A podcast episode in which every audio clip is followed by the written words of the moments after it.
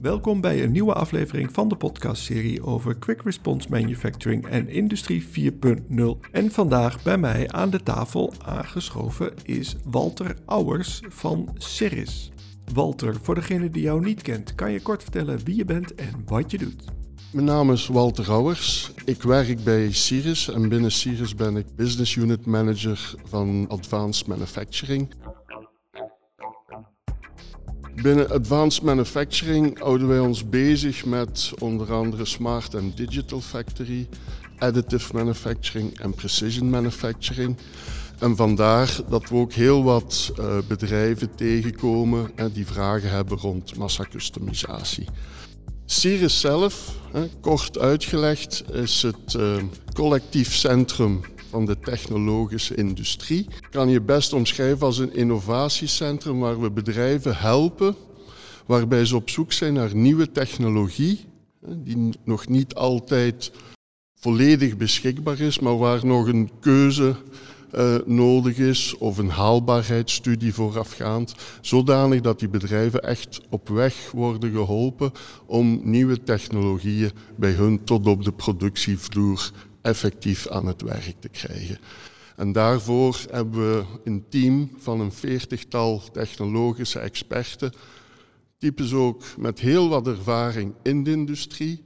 En samen met hun brengen wij rond al die thema's uh, bedrijven op weg, ook naar Industrie 4.0, ook naar topics, zoals massacustomisatie. In de maakindustrie is een trend gaande waarin de bedrijven niet meer puur massaproductie doen van heel veel stuks van hetzelfde uitvoering, maar dat het juist veel meer gaat naar kleine series en stuksproductie. Kun je daar eens wat over vertellen? En misschien een eerste insteek is, hè, als we het over massacustomisatie hebben, spreken we over massacustomisatie of over customisatie. En dat is een belangrijk onderscheid. Waarom? Bij customisatie heeft het bedrijf als het ware een businessmodel dat ze alle mogelijke vragen van de wensen te beantwoorden. Massacustomisatie is eigenlijk welk aanbod ga je de klant geven, maar binnen bepaalde grenzen waar de klant oneindig veel mogelijkheden kan hebben, maar je gaat ook niet buiten die grenzen. Om op die manier ook eigenlijk de kosten kunnen te beheersen. Dat is heel belangrijk. En dat vergeet men soms, dat men denkt, massacustomisatie, alles kan? Nee, niet alles kan. Er zijn vaak wel afgetekende grenzen. En we zien daar een viertal trajecten of mogelijke vragen bij de bedrijven.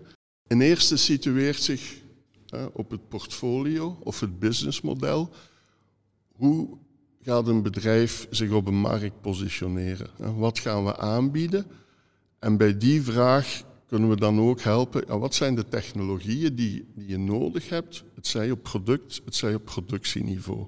dat is meer een strategisch vraagstuk. Een tweede element dat we zien is eerder op productniveau. Hoe ga je je product aanbieden? En wanneer we dan over massacustomisatie spreken, zien we daar een aantal niveaus of etappes in. Een eerste niveau kan je omschrijven als zijnde gewoon standaardiseren van componenten. En noemen dat als het ware overal dezelfde schroefjes, overal dezelfde moertjes en dat gaat al helpen. Een volgende stap is, kan ik mijn product modulair aanbieden. Hm? Zodanig dat ik verschillende modules heb en afhankelijk van wat de klant vraagt, kan hij de juiste modules kiezen. Een volgend niveau is dat we niet over een module, maar over een platform spreken. Dus dat is eigenlijk een module die als het ware zeer lang meegaat, hm? x aantal jaren over x aantal productfamilies, die zeer goed bedacht is, maar waarop je dan heel gemakkelijk verschillende modules, verschillende fases kan zetten.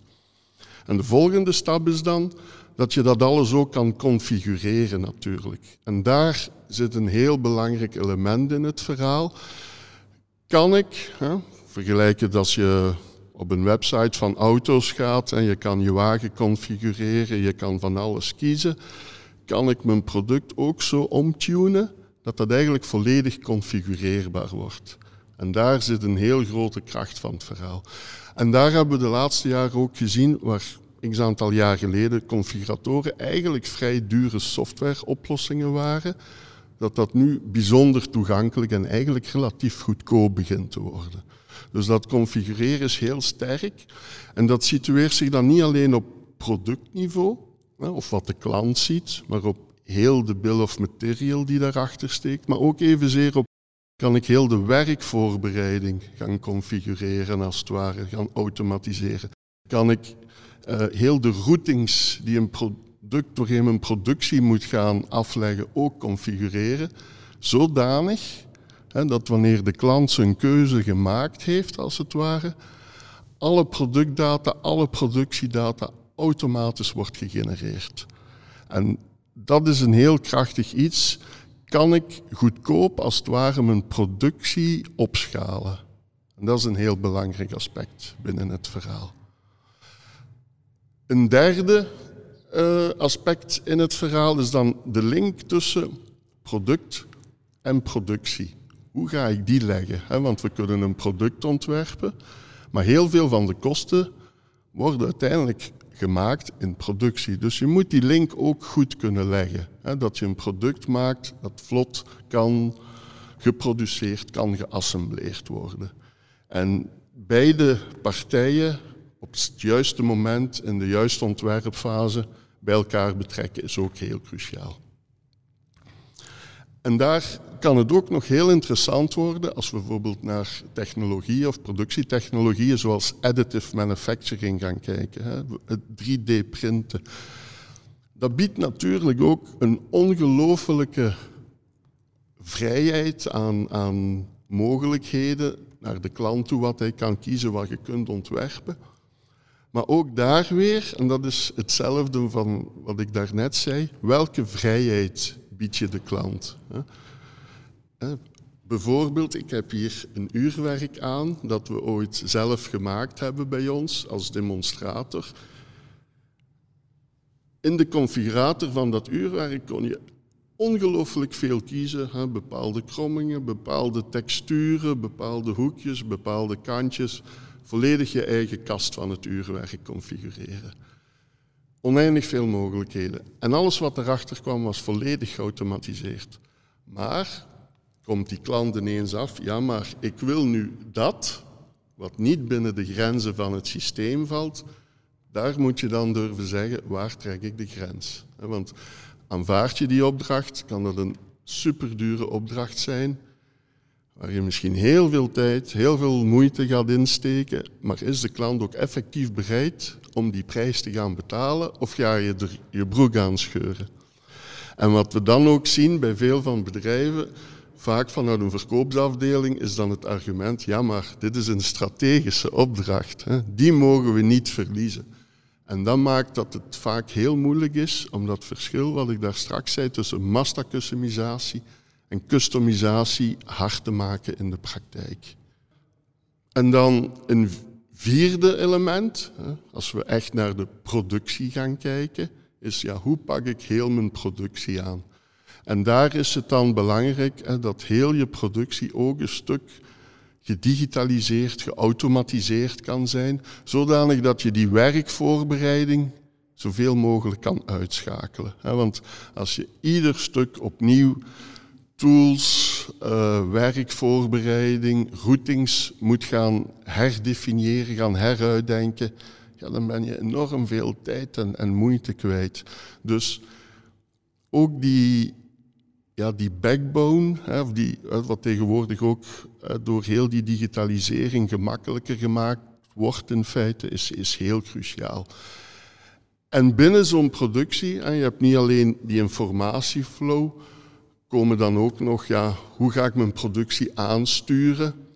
En dan kom je uit op modellen zoals Quick Response Manufacturing, die toelaten om een grote variëteit op een heel elegante manier, op een heel snelle manier doorheen je productie te krijgen. Oké, je hebt er eh, duidelijk veel eh, verstand van en uh, je vertelt het ook met veel passie. Kun je vertellen hoe jij ooit geïnspireerd bent geraakt om je juist op het gebied van massa customisatie te gaan verdiepen?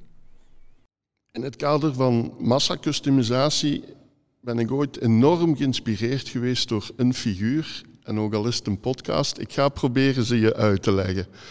dus een bedrijf heeft, biedt een bepaalde variëteit aan. Laten we zeggen, dat is de horizontale as op onze figuur. En daar staan ook uh, kosten en opbrengsten tegenover. Hè. Euro's, euro's dat is iets wat de meeste mensen en ook bedrijven wel zeer goed kennen. Dat is onze verticale as. Nu, laten we zeggen, als we geen variëteit aanbieden, als het ware nul producten, hebben we ook nul kosten. Uh, klinkt logisch. Hoe meer variëteit we aanbieden, hoe meer de kost gaat toenemen. En die gaat niet lineair toenemen, maar eigenlijk als het ware kwadratisch of à la limiet zelfs exponentieel. En dus je ziet daar een stijgende curve verschijnen. Als we kijken naar de opbrengsten, laten we ook zeggen, geen enkel product, geen variëteit, we hebben ook nul opbrengsten. Je biedt een eerste versie, een tweede versie aan en je ziet je omzet stijgen. Maar vanaf een gegeven moment begint die omzet af te nemen. Waarom? Uw klant maakt als het ware ook geen onderscheid meer tussen variant 1 miljoen en variant 1 miljoen 1. Dus eigenlijk uw omzet gaat afvlakken. En wat we dan zien, is dat er een zone ontstaat waar je winst maakt. Die twee curves gaan zich ook op een bepaald moment gaan kruisen. En dat betekent als je te veel variëteit aanbiedt, dat je dreigt verlies te maken. En dan wordt het interessant vanuit een conceptueel nadenken, hoe kan ik op deze curve gaan doorredeneren?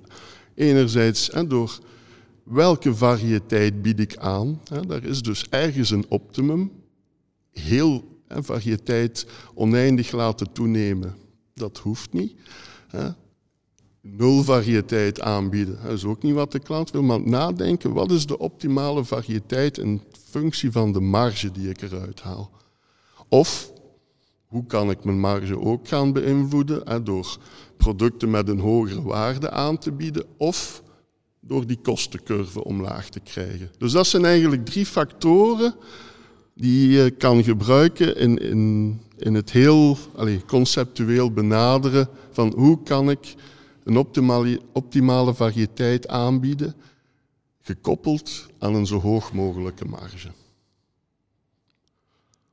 En een ander uh, element waar ik ook enorm door geïnspireerd word, is eigenlijk het observeren van de automobielindustrie.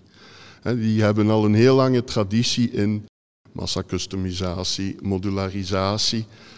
Maar daar zien we vandaag de dag eigenlijk ook heel interessante evoluties. Enerzijds heb je merken die als het ware geen opties meer aanbieden, buiten misschien nog de kleur en het stel velgen. En langs de andere kant zijn er merken die nog altijd een hele waslijst van opties aanbieden. En toch zijn beide valabel, hè, hebben hun typische klanten. Maar dat betekent dat er verschillende modellen zijn. Andere zaken die je ziet evolueren in automobiel, en dat interessant is hoe dat gaat evolueren. Klassiek je had een motor, aandrijflijn. Heel de architectuur van een auto was eigenlijk heel dominant. Maar zie je nu, je hebt klassiek verhaal, je hebt hybride modellen, elektrische modellen, waterstofmodellen.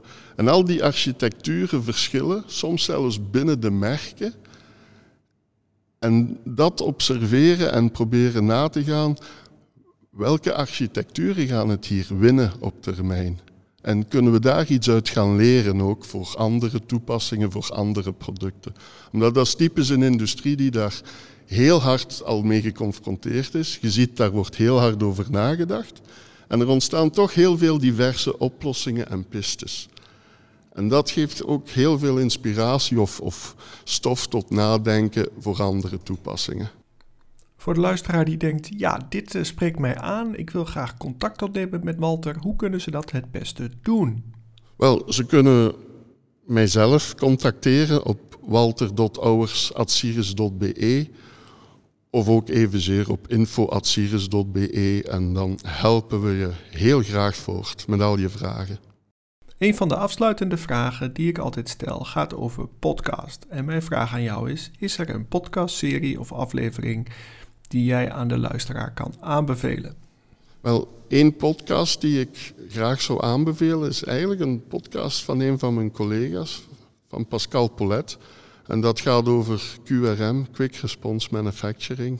En Pascal kan daar enorm enthousiast over vertellen. Ja, dat klopt. En uh, de oplettende luisteraar die weet dat Pascal onder andere te horen is in aflevering nummertje 5 van deze podcast-serie. En mijn afsluitende vraag, Walter, aan jou is: naar wie zou jij graag eens willen luisteren in het kader van deze podcastserie over Quick Response Manufacturing en Industrie 4.0?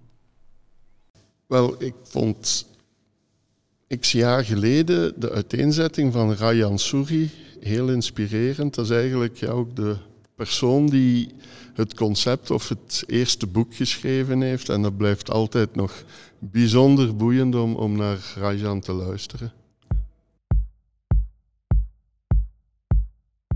En daarmee zijn we aan het einde gekomen van deze aflevering van de podcastserie over Quick Response Manufacturing en Industrie 4.0. En als eerste wil ik natuurlijk Walter jou bedanken voor jouw inspirerende verhaal. Heel graag gedaan. Walter, wat is jouw eerste reactie na aanleiding van deze opname? Dankjewel en het is geweldig om hier in deze fantastische locatie te zijn in Waterschei op het Torpark. Uh, geweldig. Ja, we moeten de mensen van Torpark zeker bedanken voor het feit dat we deze locatie mochten gebruiken. En uiteraard wil ik ook de luisteraar bedanken voor het feit dat je al die tijd bij ons bent gebleven. En ik heb nog een klein verzoek.